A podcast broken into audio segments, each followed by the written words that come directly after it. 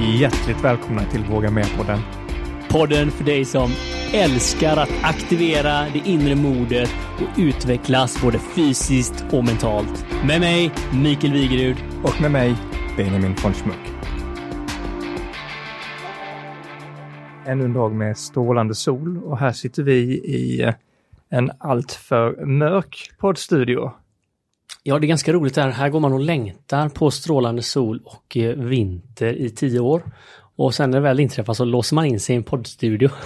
Och värre blir det för att du kommer ju precis här Mikael utifrån en helt annan, om man kallar det verklighet. Ja, alltså jag kände mig halvt spacad faktiskt efter den här eh, digitala andra verklighetsupplevelsen. För vad har du precis gjort? Ja, jag vet nog inte riktigt egentligen vad jag har gjort, men jag har haft någon utomjordisk upplevelse och eh, jag har inte mediterat utan jag har spelat eh, två stycken VR-spel. Så vi satte eh, Mikael här i eh, VR, men inte bara vanlig VR utan det kallas room scale VR. Att man kan gå omkring och man kan röra sig i det digitala rummet. Vad fick du precis göra för någonting? Vad har du upplevt? Jag vet inte, hur ska man beskriva det? Det var väl som att vara i en eh, Star Wars-film. Eh, Jag sköt maskiner, robotar. Duckade för deras skott och sprang runt i den här eh, utomjordiska världen. Samtidigt som jag hade en viss kontakt med eh, det fysiska rummet som jag var i. Så att eh, jag var ju jävligt svettig efter ett tag för det var ju jag var ju väldigt aktiv och det var ju tur att ibland att du guidade mig tillbaka till en plats där jag startade för man tappar ju helt rumsuppfattningen. Man sögs ju in i den här digitala världen. Men för folk som inte har testat det, kan man verkligen bli varm och svettig av ett spel? Det här man tänker ju dataspel och så här man Jag vet inte länge, hur länge jag körde den banan. Var det kanske fyra minuter eller någonting? Ja, något sånt. Alltså jag kände ju att det, det sög i låren där. Nu kanske inte tekniken var den bästa. Men jag tänkte så här, fan hur länge ska vi hålla på? Alltså det börjar bli mjölksyra här nu som... Men du eh, menar den här rörelsetekniken med upp och ner och Ja, dricka ja. Ner liksom djup så, squat, upp, täcka, parera åt sidan, ner. Så vad vi gjorde var att vi satte Mikael i ett spel som heter Pistol Whip, vilket är om man kallar det ett musikspel. Och till musiken så rör sig då Mikael och ska ducka skott och grejer som kommer från maskiner. Och lite anledning till att vi kollade på det här var just att se vad viss del av teknik ligger idag. Det här är inte som vissa kallar Google Glass eller HoloLens, alltså teknik som bara ett fåtal har möjlighet att köpa. Utan det här är ju VR mainstream idag. Ett sånt här headset går på 3000 kronor till exempel. Ja, det här är ju helt galet. Det var ju som när en annan hade ett Nintendo hemma. Ja, precis. Och men tar man några år tillbaka så att insteget för sån här teknik låg ju på liksom 50 000. Ja. Ungefär där låg priset för en HoloLens. Ja, för jag kommer ihåg när jag var och hälsade på dig på SKF. Det måste väl vara fyra år sedan nu. Mm, Tre, fyra år sedan. Och eh, vi hade den här hjälmen med VR-insteg typ för att titta på saker och ting. Mm. Då var det ju löjligt dyra grejer. Ja, precis. För där var ju lite grann, man får säga att de var pionjärer på det här, att, um, vad de kallar det, augmented reality. Så man ser rummet och sen så gör man liksom hologram utifrån det här headsetet. Ja. Det är ganska avancerad teknik, men du kommer ihåg hur, hur det var där. Där var det fortfarande väldigt nytt, för att man såg ju bara på en liten, liten ruta framför sig vad de här hologrammen var. Så att det är inte på samma sätt att man förtrollas in i en annan värld. Ja, men det, det är ju jäkligt spännande båda de här just när man ser hur den upplevda verkligheten, alltså det som vi ser med vårt nervsystem och när det läggs till digitala bitar så att det blir en mix och det faktiskt inte är helt kristallklart vad som är vad. Det jag gillar här är att du säger att det vi ser med vårt nervsystem. Jag lyssnade på en podcast um, häromdagen som just var lite grann om det här med framtiden för att förbereda för dagens samtal. Då var det, vad är framtiden inom egentligen gaming och VR och de här bitarna? Och det den här mannen säger då är att den, den, en av de största grejer som folk tror fel är att vi ser med ögonen. Och det stämmer inte. Vi ser inte med ögonen utan vi ser med, med, med vårt nervsystem. Det är egentligen vi ser med vår hjärna. Och en del av tekniken som forskas på nu, det är egentligen inte att ha bättre skärmar framför ögonen eller liksom bättre typer av glas för att man ska känna att det blir högre pixlar, utan det är att eh, försöka få in de här signalerna rätt in i hjärnan. Alltså man pratar liksom det här som man har sett på 90-talsfilmerna, folk har en, som, i Matrix, man får en direkt länk rakt upp i ryggraden. Ja. Det är inte så långt framåt i tiden som man tror, utan jag menar, det här kommer säkerligen komma inom åren och absolut under vår, vår livslängd här på jorden.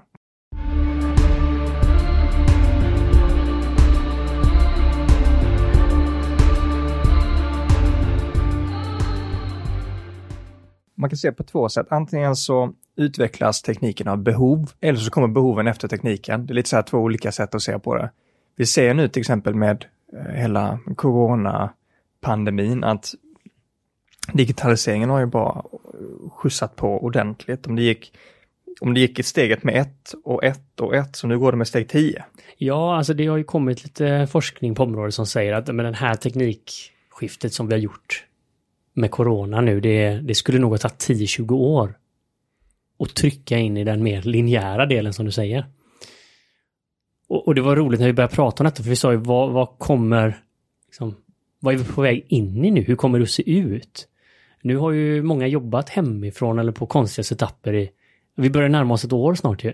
Jag, jag vill tycka att Sverige är ändå ett land som ligger ganska långt fram i digitaliseringen och ändå ser vi hur vi har blivit testade här. Om man då tänker, jag har en, god kollega från Italien och vad kan han, han kan vara i kanske 50-årsåldern och sånt där. Och hans föräldrar är ju vana att gå ner till banken eh, en gång i veckan eller liksom så här. Och de, då, då, går de ner fysiskt med sina fakturor och liksom betalar på plats och, och gör, gör alla de bitarna alla de har blivit tvingade in till uh, att göra digitalt. Ja, de har ställt om alltså. Så, så tänk vilken omställning för de här, ja men det här är en gammal italiensk by, liksom du har knappt uppkoppling till mobila nätverket, de har fått upp en ny antenn nu liksom. Det, jag menar, nu kanske jag är lite naiv och tänker att alla i Sverige har internet, vilket kanske inte är fallet, men jag vill säga en god majoritet har det. Och det har varit en sån sjuk exponentiell framfart i, i vad som hänt med covid och eh, kanske ännu mer utanför Sverige. Ja, alltså det har ju ställt om hela världen. Det är väl det som är så coolt att för första gången så har ju vi fått någonting gemensamt mänskligheten. Precis. Och vi har samma problem och, och man märker kanske det att, att eh, ja, landsgränser och så vidare är ju inte lika relevant på ett sätt. För att vi sitter i samma båt. Mm, det kan nästan jämföras med sådana här filmer där det kommer utomjordingar som bombarderar och, och humanity unites. Ja, ja, men det, det har ju, enemy. det har potentialen att vara det. Men vi ser ju kanske båda delarna nu. Förstärkning av det som var innan med förstärkta gränser och nedstängningar och så vidare, separationer och hitta syndabockar och så. Men det har ju också potentialen som du säger till the big unite. Mm. Där vi som mänskligheten kliver upp nu och kanske ändrar en del strukturer som har varit ganska efterblivna. Mm. Ja, det är, det är spännande. Jag tänker vi, vi pausar lite grann av politiken idag, för annars kommer vi in på, på allt, allt det möjliga. Ja, men alltså mer på den mänskliga biten har vi varit inne på. Om man, om man tittar till sig själva, våra erfarenheter och våra vänners och sånt. Alltså hur, hur ser arbetsplatserna ut? Vad har hänt och vad kommer att hända nu framåt alltså? Och det är här, precis här jag vill, vill hålla lite grann. För om vi tar exempel från din arbetsplats och förändring som har skett nu med eh, hur man egentligen fått anpassa sig. Och hur ser du möjligheten framöver? Hur, liksom, hur har vi någon påverkan som stannar kvar efter covid eller går vi tillbaka precis till hur det varit innan? Men det är den här frågan som är så magisk för att man kan väl säga stora delar av covid-perioden, om vi säger nästan ett år nu, det var väl ändå det här att alla sa jag vill att det ska komma tillbaka som det var innan. Att det var det som var hela momentumet på nyheterna överallt var det. När är vi tillbaka till ett normalläge? Alltså världens mest uttjatade mm. ord. Vi ska bara rida ut första vågen. Ja. Vi ska bara rida ut andra vågen. Och glöm inte att det kommer en tredje. Och nu sitter vi då någonstans där och så kanske man tänker så här. Om man har haft tid att ta ett andetag och reflektera lite. Okej, okay, är det det vi ska sträva efter och komma tillbaka till det som det var innan? Eller ska vi bygga någonting nytt här också? Själv har jag gjort en resa där, jag har sett det lite grann på mina kollegor också, att i, i början var det så här bara, ja men egentligen att, att inte gå till kontoret och liksom jobba hemifrån, det har ju en, en hel frihet till sig. Och att man kan verkligen fokusera på att, på att jobba utan att bli störd. Och det var en tanke som attraherade mig supermycket precis i början. Och sen har det gått verkligen i vågor. Ja, ah. men jäklar, oh, det var jobbigt det. Och jag, nu träffar inte jag de här personerna som jag måste träffa, som jag träffar vanligtvis annars kanske antingen efter jobb på en öl, eller alltså att man eh, stöter ihop och man tar en kaffe tillsammans. Så hur mycket jobb man får gjort under de tillfällena. Ja. Så att eh, verkligen, jag tror att om man tar det som två poler, som kanske har lite starka åsikter åt båda hållen, att ena polen säger att ja, man jobbar mycket bättre hemifrån och den andra polen säger att man måste vara på jobb, för annars så jobbar man inte. Det här liksom samspelet mellan de här två polerna och eh, om man kan ha en mix, det är ungefär där jag är idag. Ja, men alltså jag tycker det är väldigt bra det här att du sätter belysningen på populariteten, att vi hade två sidor. Vi har ju det här klassiska arbetsuppbyggnaden som vi har haft i Sverige, alltså väldigt präglat av industrisamhället. Vi är där på tid, vi mäts på tid. Många arbetsplatser, alla hade stämpelklocka, vissa kanske har övergett det, men det bygger ändå på du är där och gör dina timmar. Och mm. när du är där, då ska du vara effektiv och göra arbeten som arbetsledningen delegerar. Alltså nu använder jag ju lite sådana ord, men bara Nej, för att vi ska det, fatta det, den det, sidan. är ju, det är ju supertydligt. Jag tänker just liksom från dig Mikael som har så många års erfarenhet med just liksom produktion. Eh, att man liksom, man tänker att en timme i produktionen är en timme värde för att få ut produkter. Ja, och det, det finns en tydlig one-to-one där. Ja, och man kan säga att det är ändå det som har format hur arbetsplatserna ser ut. Vi har ju översatt det till kontoren. Så att vi mäter även våra tjänstemän på ganska snarliknande sätt på de flesta arbetsplatserna. Nu får Vad vill vi kalla detta här, traditionell Ja, men jag, jag kallar det egentligen alltså industrisamhällets uppbyggnad, det kan man säga. Det, det, tycker jag att det här återspeglar, både skolsystemet om man tittar i det stora hela, men framförallt arbetsplatserna. Där eh, eh, vi mäts på tid och det speglar sig mycket som du sa från kanske en tid då man gjorde något. Alltså om jag står och laddar en maskin. Så är det klart, om jag laddar den, om inte jag står där och laddar så kommer det inte in en grej. Så varje moment, varje bit som jag lägger in är en del. Desto snabbare jag gör det, så fler kan vi producera då. Och jobbar du två skift så har du gjort dubbelt så mycket kanske? Ja. Men sen när jag helt plötsligt då satt vid en dator och kanske skulle vara kreativ och jag skulle skapa och jag skulle bygga kundrelationer och jag skulle ha workshops och producera saker och sånt så. Då är det inte säkert att min tid är direkt lika kopplad till utkomsten av det som vi försöker åstadkomma.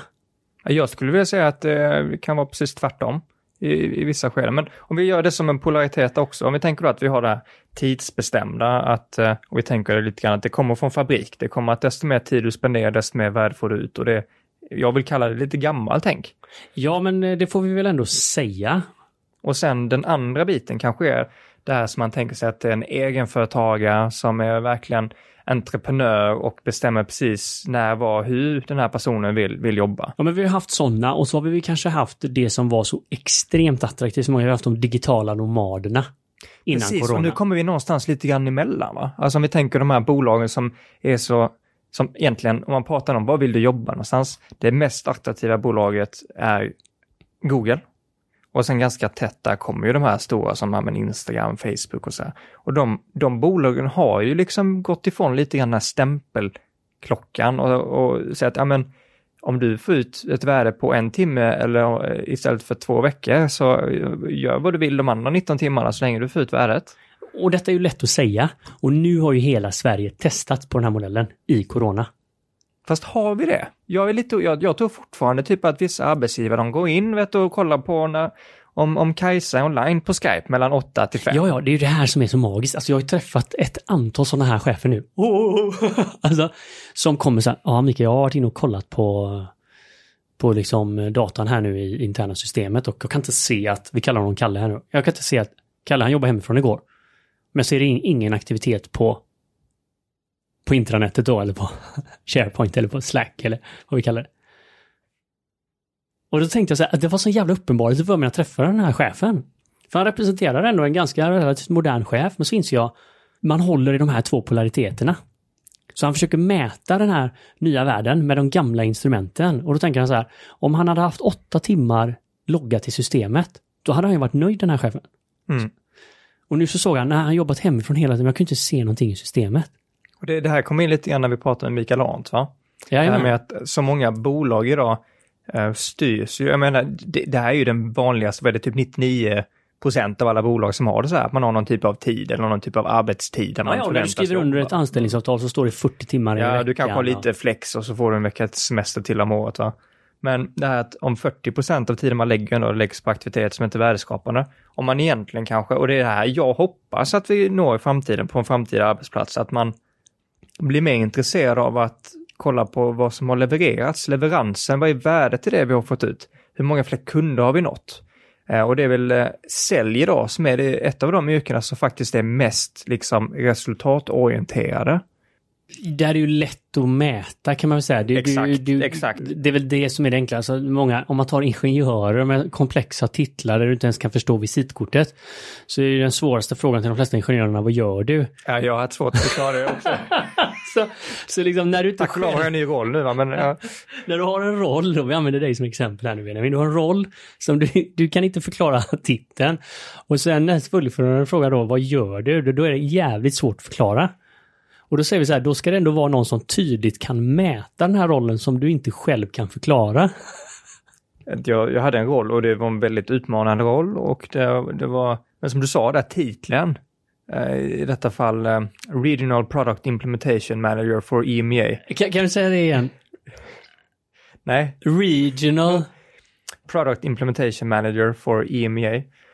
och och jag, jag kom ju på mig själv flera gånger att eh, jag förstod ju innebörden av vad Var du rollen... framgångsrik? Alltså, bara så att vi andra förstår liksom. Var detta en titel som ändå gav dig tyngd i liksom Ja men, det, ja, men, det, det är det som är så fint Mikael med, med en titel som är svår att beskriva vad jobbet är. Att ingen vet riktigt var någonstans i hierarkin du befinner dig.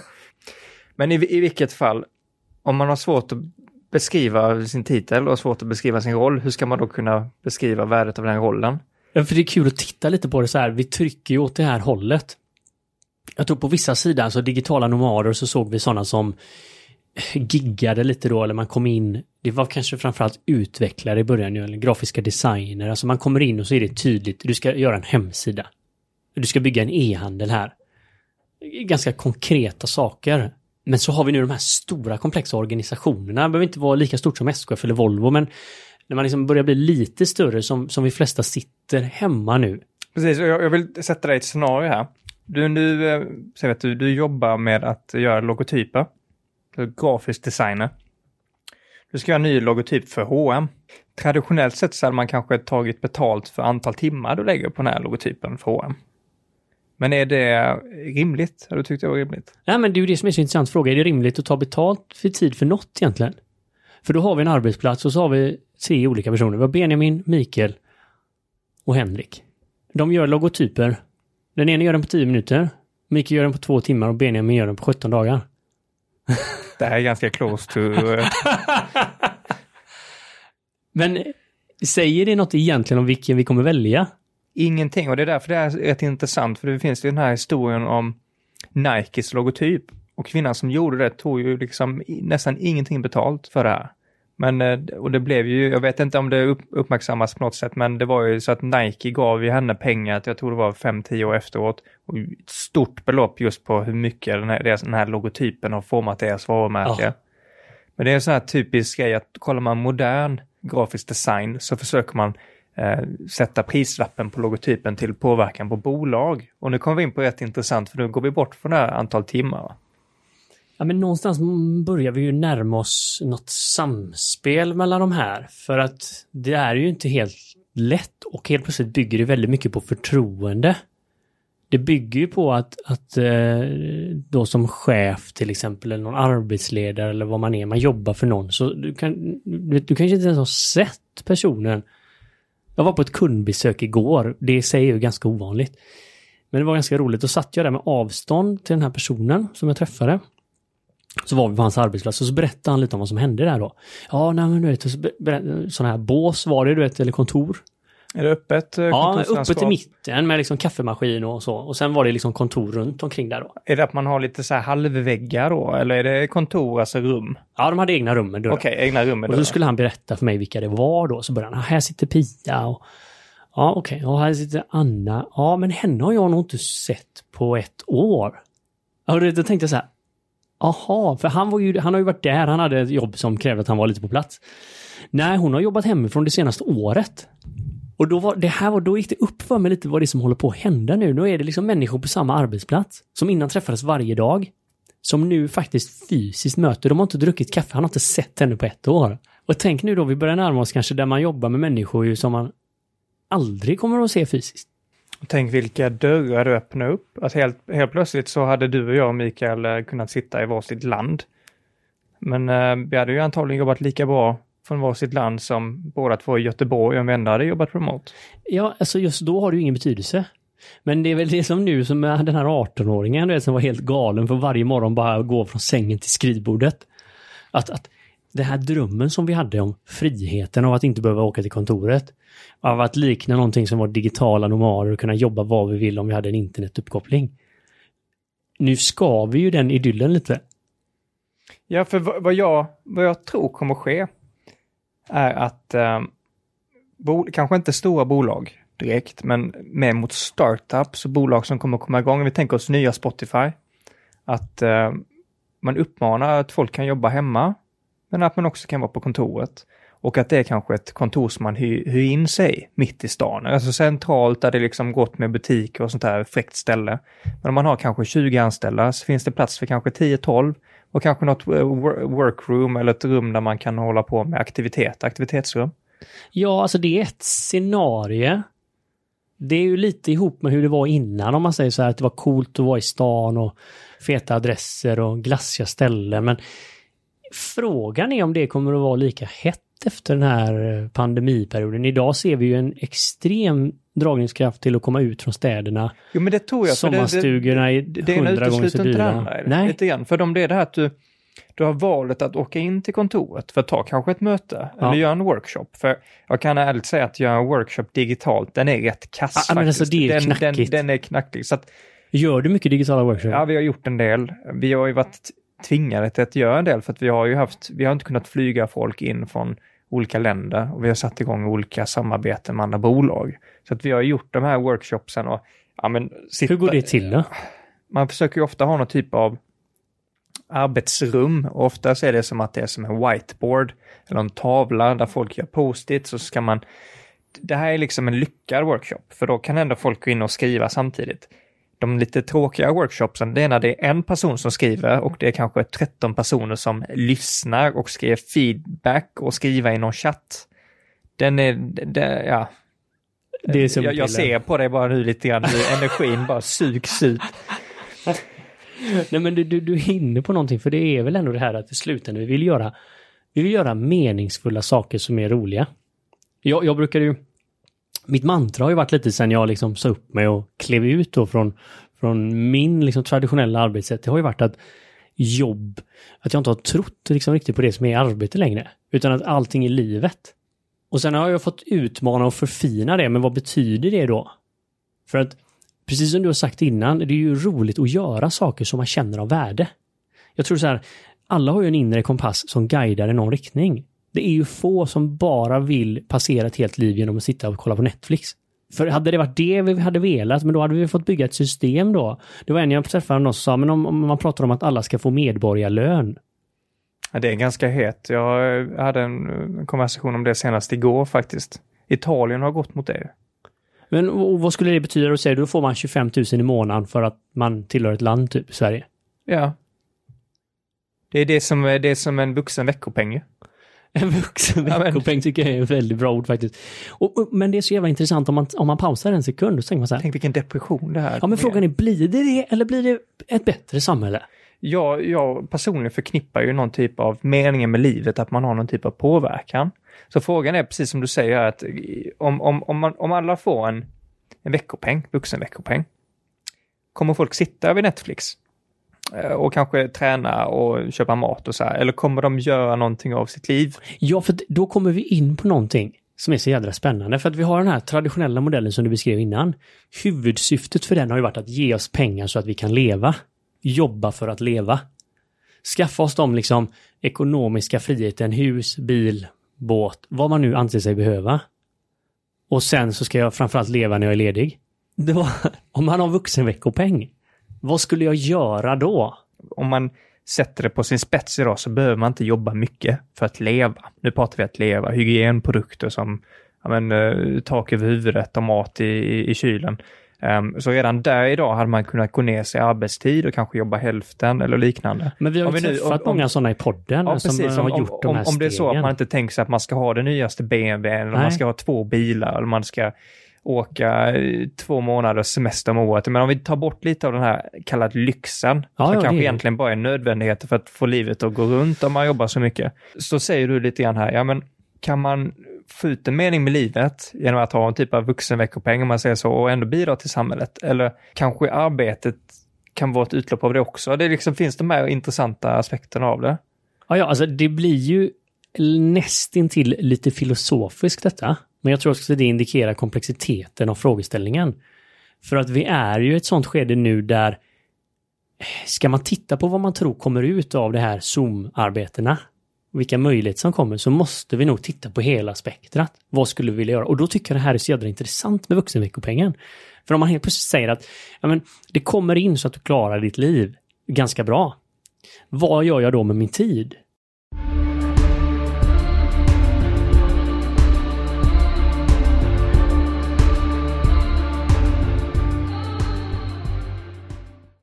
Någonting som jag tycker är väldigt intressant är om man, eh, vi, vi har pratat en hel del om meningen med livet. Jag tänker, jag vill inte gå in på, ja men, jag tror, den lär vi nog kanske inte reda ut under det här samtalet. Men om man tänker det här med arbete, arbete är en stor del av livet och hur kommer det urarta sig i framtiden? Och så börjar jag tänka på det här, vi har varit inne ofta och pratat om eh, status och hierarkier. Och just där kanske äldre bolaget, en tydlig hierarki och man, man har ett större kontor eller man har dörr efter sig. Och tar vi till exempel en person som sitter i en reception, oftast är det öppet och det liksom eh, rankas inte lika högt. Och hur det kommer förändras i framtiden med liksom att de här kanske mer attraktiva eh, arbetsplatserna har eh, olika miljöer med bollhav och allt möjligt crazy. Google har ju restauranger där man inte betalar. Jag menar, det finns ju, det finns ju verkligen helt spridda verkligheter och, i, i det här. Men, och de här rivs väl ner så in i bänken nu för att det är inte så att man får ett eh, större fönster på Zoom. Alltså direktörsfilter. Nej, liksom, ja, man, kan, man kan ha en annan bakgrund. Att de mahogny-bakgrund och... Ja. Men det, det, det, jag tyckte var så intressant, jag ville lyfta in det här, det här med att känna meningen med livet med arbetet och vart, vart folk kommer gå någonstans. För det här med, om vi tar byteshandel, om vi tar bort valutor till exempel, att man, man ger varandra tjänster, ibland ger man för att inte få tillbaka. Om man tänker att alla individer hade varit så, det hade ju funkat. Uh, men vad händer om alla inte är så? Det här med att vi kanske kommer ha olika balanser, tänk att om vi tar bort en hierarki i framtiden, vi säger att hierarkin är inte viktig för ett företag. Uh, hur kommer det då ut, urarta sig? Jag tror att det finns liksom ett, ett mänskligt behov av att synas, av att eh, på något sätt strukturera sig i hierarkier. Mycket av det här som Jordan Peterson pratar om i, i sin, sin bok 12 Rules for Life. Så om man då tar bort liksom en bit av den här hierarkin från ett företag idag som är att man har director och group management och man har de här bitarna. Och så säger man att ja, men vi vill, det är flat, säger man på pappret. Frågan är om det verkligen kommer vara det eller om det kommer bli liksom någon typ av, av hierarki eller ett mönster på arbetsplatsen även om det inte finns på pappret. Och den här makten ja, kanske jag, jag, förändras och liksom... Eh, jag känner lite vad du är inne på här, att mycket av hierarkin har ju faktiskt hållits uppe av en fysisk närvaro som har, som har stöttat detta. Eh, det är ju väldigt spännande som du säger att om man inte har haft olika våningsplan att sitta på, man inte har positionerat eh, en, en chef i ett stort eget rum med utsikt över alla som arbetar. Om man tar bort allt detta och alla sitter på Zoom. Detta påverkar ju väldigt mycket ledarskapet och maktstrukturerna. Vem ska jag följa? Ja, vem, vem, vem, har rätt, vem har rätt att säga till mig vad jag ska göra? Ja, men man kan ju ändå skicka ut en organisationskarta och säga att han bestämmer jo, jo, över precis. dig. Men någonstans så känns det ändå som det går mot att den som ger värde i din workshop på Zoom, det blir väl också den som får mer tid, den som har något vettigt att komma med. Jo, men det kom, har den personen rätt att bestämma då? Förstår du vart du vill komma? Ja, ja visst, men båda här... samspelar ju här lite grann. Ja. Har rätt och har rätt, alltså det är ju modeller vi hittar på, men vi får också se så här, vad kommer att tryckas fram av naturliga grejer? Kommer naturliga ledare att kliva fram. Sådana som är positiva, framåtriktade, karismatiska, som kan få med sig folk i en riktning som kanske inte bara detaljstyr med maktmedel mm. ur en organisation. Alltså kommer du att ändra? Eller Outlooks äh, liksom logg för när Mikael har varit inne och inte varit inne och läst mail. Ja, det vet vi inte. Är Nej. det den som kommer att premiera? Jag kan ju säga det, det var ett bolag i Brasilien när jag jobbade där som eh, de var ganska i framkant för digitalisering för just att vara i Brasilien. Och de hade gjort armband till sina anställda med location tracker för att kunna se hur de rör sig i fabrikerna. Så det... Ja, men är det det vi alla kommer att få? Vet inte. Är det, är det ditåt vi är på väg? Ja, men för det finns det, det är en brytgräns här jag tror jag nu faktiskt som är väldigt viktig i de här polariteterna. Och, och det är samma sak med USA. Det var ett case där det var eh, en kvinna som blev stämd för att hon hade kört eh, företagsbil till, som hon hade liksom för att pendla till jobbet med. Hon hade kört eh, på en weekend med den. Och då hade bolaget sett det på hennes GPS från bilen. Och så hade hon blivit stämd för det då. Så att det, det här med, med data, digitalisering, det är lite, det, det är ett eh, vasst svärd åt båda hållen. Va? Ja, ja, ja, visst. För man kan ju bara tänka så här, så, så, fort min arbetsgivare, om vi ska kalla det, skulle säga att men jag tar eh, all din statistik på dator och telefon, kommer vi att logga nu och följa. Då får man ju veta exakt vad du gör under de åtta eller nio timmarna. Mm. Vilka webbsidor den här personen varit inne på. Hur många gånger har den här personen smsat under dagen till någon som inte är en kollega. Hur aktiv och den här personen har smsat till rätt kollega utifrån vad vi anser att den här personen borde jobba med. Så så här mäter vi ett callcenter. Det gör man ju oftast. Men kommer vi att mäta liksom normala attraktiva jobb som för oss? Eller kommer vi att bygga det på en mycket mer transparent frihetsmodell där det kanske är så att, men fan, eh, jag var ute och gick sju timmar idag i skogen. Och sen så jobbar jag en timme. Levererade sådana jävla grymma grejer. Och en annan person, min kollega, jobbade i 14 timmar och gjorde sitt bidrag till samma projekt som vi jobbar i. Det är här jag tycker det här gamla talesättet frihet med ansvar kommer in. För det kanske är så att eh, alla inte kan jobba under den modellen. Att de sju timmarna ute i skogen är sju timmar ute i skogen och den en timme framför datorn är prokrastination för att de inte jobbar sju timmar. Kanske. Ja, och det är ju det som är rädslan. Man, kan, man får ändå, när man, när man tittar på detta får man ändå tänka att man själv har ett företag som man betalar någon lön för att jobba i. Jag vill bara ta en, en, eh, ett exempel på det, för det tycker jag, jag har pratat med kollegor om det här också. Hur, eh, hur, hur påverkar man blir att jobba hemma? Det är man på kontoret så är det ganska lätt på sätt och vis att ta en mindre paus eller man går och snackar med någon lite grann, man tar en kaffe. Men när man väl sitter hemma, jag får så dåligt samvete om jag börjar plocka ur diskmaskinen eller någonting. Och egentligen så borde jag inte få dåligt samvete av för att jag sitter egentligen mer tid vid, vid datorn. Inte säkert att det är mer tid som resulterar i något typ av värde. Men det här med samvetet, ja, ja, ja, det spelar alltså, in på ett helt annat viktigt. sätt. Och det här har jag, har jag hört från många, är, det är en helt annan grej när man väl jobbar hemifrån. Om man kanske inte har varit van att göra det tidigare. För det, för det kan ju vara så att man faktiskt går med dåligt samvete en stor del av tiden och känner att man inte är tillräckligt produktiv. Och ja, det här kommer nog bara bli värre. Eh, jag tänker för att på något sätt runda av lite grann dagen. Vi ska liksom spekulera mot hur det kommer att gå i framtiden. I och med att det, det är, det är ditåt vi vill komma med samtalet idag. Ja, och eh, det är så himla roligt för framtiden är ju så himla nära. Det kan mm. ju typ vara det kan, det kan vara senare ikväll och det kan vara om tio år. Men vi är ju mitt i den på något ja. sätt också. Lite som vi började med VR-upplevelsen att fan det här händer ju nu. De här frågeställningarna eh, är ju aktuella för nästintill alla. Och nu ska vi inte glömma liksom att vi, både du och jag har ju um, till stor del när vi pratar företag så tänker vi kanske ofta på storbolag. Eh, I alla fall personligen gör jag det. Ehm, och det finns ju många som kanske lyssnar på detta som är eh, egenföretagare som har ett annat tänk redan nu. Ja, men jag är egenföretagare idag. Men jag har ju en historik i ett storbolag. Och jag träffar ju många som driver mindre bolag och, och sånt där. Men jag märker ju att jag är fortfarande extremt färgad av mm. hur jag är stöpt i en industriell modell genom den svenska skolan, genom uppfostran och genom de arbeten jag har haft. Så att ibland är det svårt för mig ändå att verkligen expandera och tänka hur Som det om, skulle kunna se ut. Om vi då tänker mycket av det vi har samtalat idag så det är ju självklart företag och individer som, har, som redan är där. Och det, det, är liksom, det är inte så att alla kommer göra den här förändringen samtidigt, utan det kommer vara olika tidshorisonter. Vissa bolag kanske aldrig har det. Jag menar, det kanske är svårt att ha en modell med att man jobbar i, på en annan arbetsplats eller på skogen eller hemifrån om man faktiskt ska svetsa en lastbil. Ja, ja, nej, men det är ju, vissa grejer är ju enkelt liksom. Då måste man ju vara vid produkten. Där är det enkla, men sen har vi ju allt annat som är digitala arbeten som är komplexare. Så min eh, tes här är att vi, vi kommer nog ha en ganska så extrem testning nu på vad, vad tekniken kan innebära.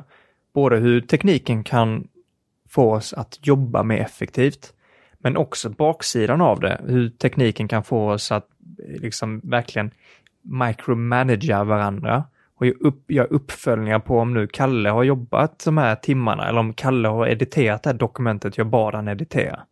Och eh, jag tror att vi kommer nog liksom stångas mellan det här eh, ganska många år. Jag tror liksom kanske en, ja, men en, åtminstone 5-10 år beroende på bransch. Där det kommer vara liksom både dysfunktionellt och man kommer inte ha liksom koll på hur man ska göra det mer effektivt. Ska man boka in fika via Zoom för att man ska få personer att prata om annat än jobb? De här liksom... Ja, men det är oerhört Digitala nu. Inte, Kör ni strukturerna. digital fika? Ja och nej. Det, och jag menar i början av covid så var det hur mycket sånt som helst och personligen känner jag bara, men jag, det har blivit mer möten nu än vad det var tidigare. Ja. Men det har jag börjat höra nu det senaste, att, att folk säger att vad en jag träffade i veckan så sa han, ja men förr hade man ju ändå några minuter för man var tvungen att transportera sig mellan mötena. Men nu så går de ett i ett. Så, men- och det här du är inne på, jag tror att vi, vi kommer liksom ha en, en tid nu där man testar saker. Jag vet inte hur många som är i samma situation som jag, där det, man har kanske dubbel eller trippelbokningar i sin kalender och mötena går från att sluta klockan 11 till att börja nästa möte klockan 11. Ibland så har man suttit där utan att få pinkat på sex timmar. eller så att säga. Det, det är då man överväger Hallå? att bara muta micken och sen... eh, Men det är så jävla sjukt att vi ändå gör detta. Att man inte bara kan säga så här bara, tjena jag, jag, jag är borta tio minuter. Jo men jag, jag har börjat, man, alltså ibland nöden har ju ingen lag så att Nej säga. men alltså det är så sjukt att den ska behöva vara nörden för att den ska ha en lag liksom. Så den här toxiska biten av digitalisering, det här med att man blir hela tiden spammad med notifikationer och man har möten som verkligen li- ligger från, från timme till timme.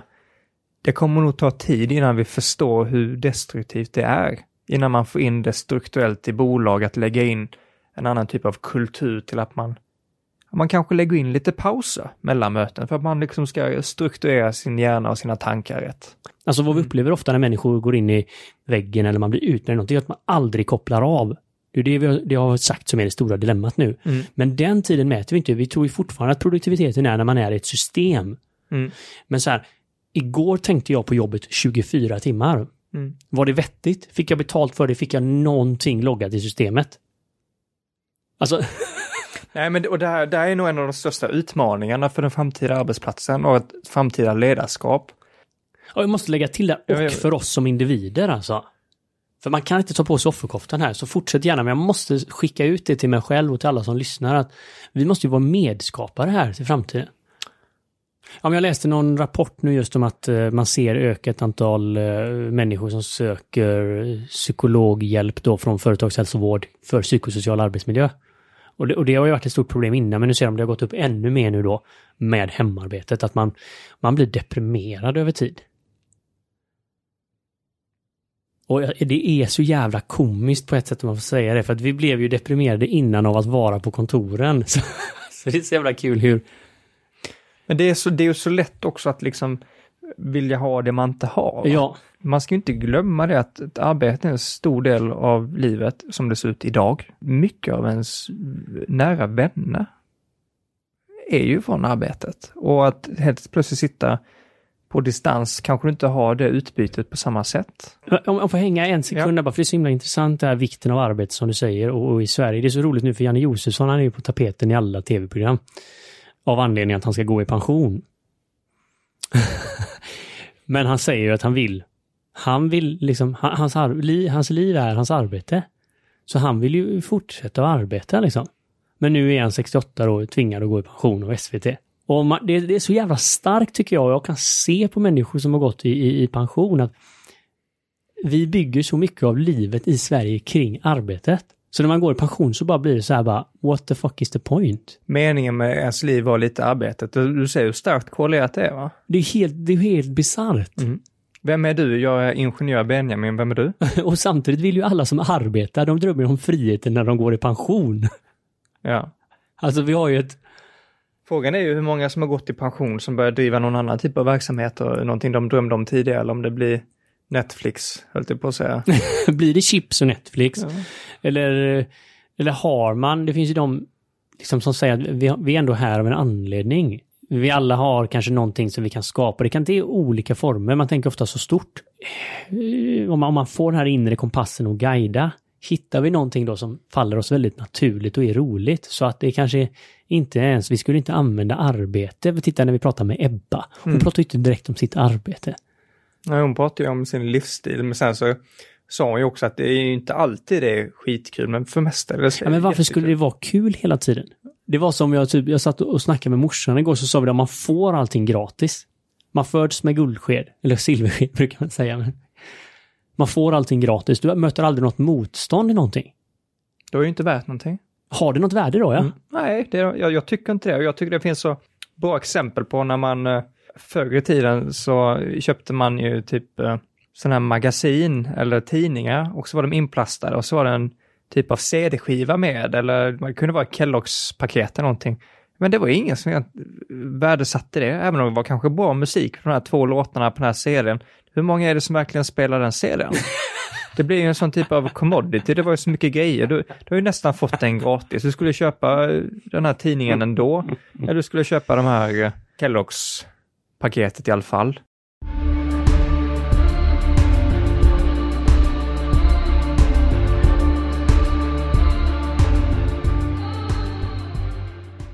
Vi, vi fick till en, jag blev inspirerad faktiskt av en, ett partnerföretag att, att ha en digital after work. Så hade förra veckan när en, en kille hos oss gick vidare för nya utmaningar, så då tänkte jag, men hur fan, vad var essensen av en after work? Det var ju att man gick till något trevligt ställe, man drack öl, man åt och man skrattade. Okej, okay, Okej, men vad kan man då med tekniken? För de första, liksom trevligt ställe gick ju bort snabbt. Sen tänkte jag, öl och liksom ha det kul. Och mat då. Går det att få in dem på något sätt? Sen så här, hur fan gör man? Liksom, åker man runt och lämnar till alla? Så så, så men vad fan? Då måste man, ska man ha en after work, en digital, så måste man få in essensen av en after work. Tycker du, var jag på rätt spår?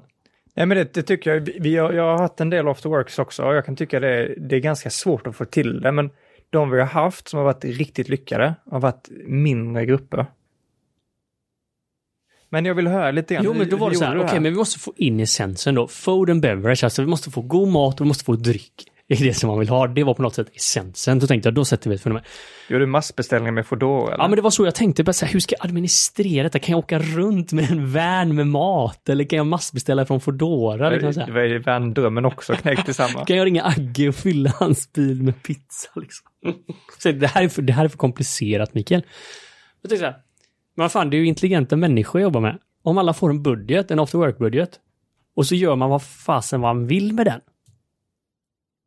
Så det blir så här, men vi har en mat och dryckbudget till after worken och så träffas vi här, kom med god mat och så firar vi Fredrik som ska gå vidare och så käkar vi pizza, dricker Det vad var vi ju en vill. jättesmart lösning på det faktiskt. Och ge det till individen och lösa det. Faktiskt. Men det roliga var när jag gjorde det här så visste jag inte riktigt. Jag kände typ så här, är det här astråkigt? Kommer någon att komma? Bryr man sig ens om att liksom det ingår pizza? Men precis som du sa, alltså det var överväldigande respons. respons. Foodora kom och det folk bara, jag måste lämna mötet jag måste hämta min pizza och vad har ni beställt för pizza? Och Ja, jag köpte en öl här, men vad fan, den ser ju syns. Ja, ja, det är en IPA, en 8,2, så han började ju bli full liksom efter en halvtimme.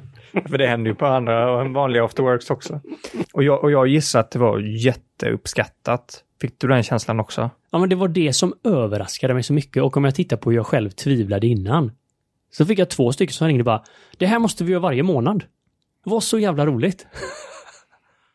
Nej, jag tycker det är, det är jättefint och eh, jag kanske lät negativ till de här virtuella kafferna och så här. Jag, jag tycker faktiskt att, att göra sådana eh, möten men, och få in liksom en, en positiv kultur, inte att man känner att man måste boka en timme med någon. Att man har lite så här mindre samtal och man väljer att inte prata jobb, det kan vara väldigt kraftigt. Ja. Precis som att man hade gjort det vid kaffemaskinen. Nej, men, och det är som med allt, att liksom, det är inte bara systemet själv. Man vet ju de här arbetsplatserna som har tre fika med religiös inprintning. Där alla ska infinna sig 15.00 med kaffe. Och man har, eh, man har eh, fikaschema, vem, vem det är som köper nästa torsdag. Men man och... känner kanske när man kommer där och det här har hållit på i tio år att dynamiken i de här liksom, fredag, eh, fikorna klockan tre har gått bort lite grann. Så det kanske inte är att vi måste bygga rigida strukturer, men vi måste hitta någonting som stimulerar. Om man tar bort det här kanske måste, att man, man kanske har, eh, min chef har satt upp, eh, jag tycker det är skitbra, han har satt upp varje dag efter klockan fem så ligger det ett möte som är en kvart långt, eh, tio minuter och sånt där. Och då, då, är det att man kan komma in på det, man bara vill snacka lite grann, men det finns ingen press på att man måste. Nej. Och eh, jag har lärt känna många av mina kollegor just på de korta samtalen ibland, vi sitter kvar och snackat över en timme om just så här olika grejer och så här. Men, så där eh, bara möjliggör man ett ja, rum som vi kan Det här möj möjliggörandet tycker jag är jättefint.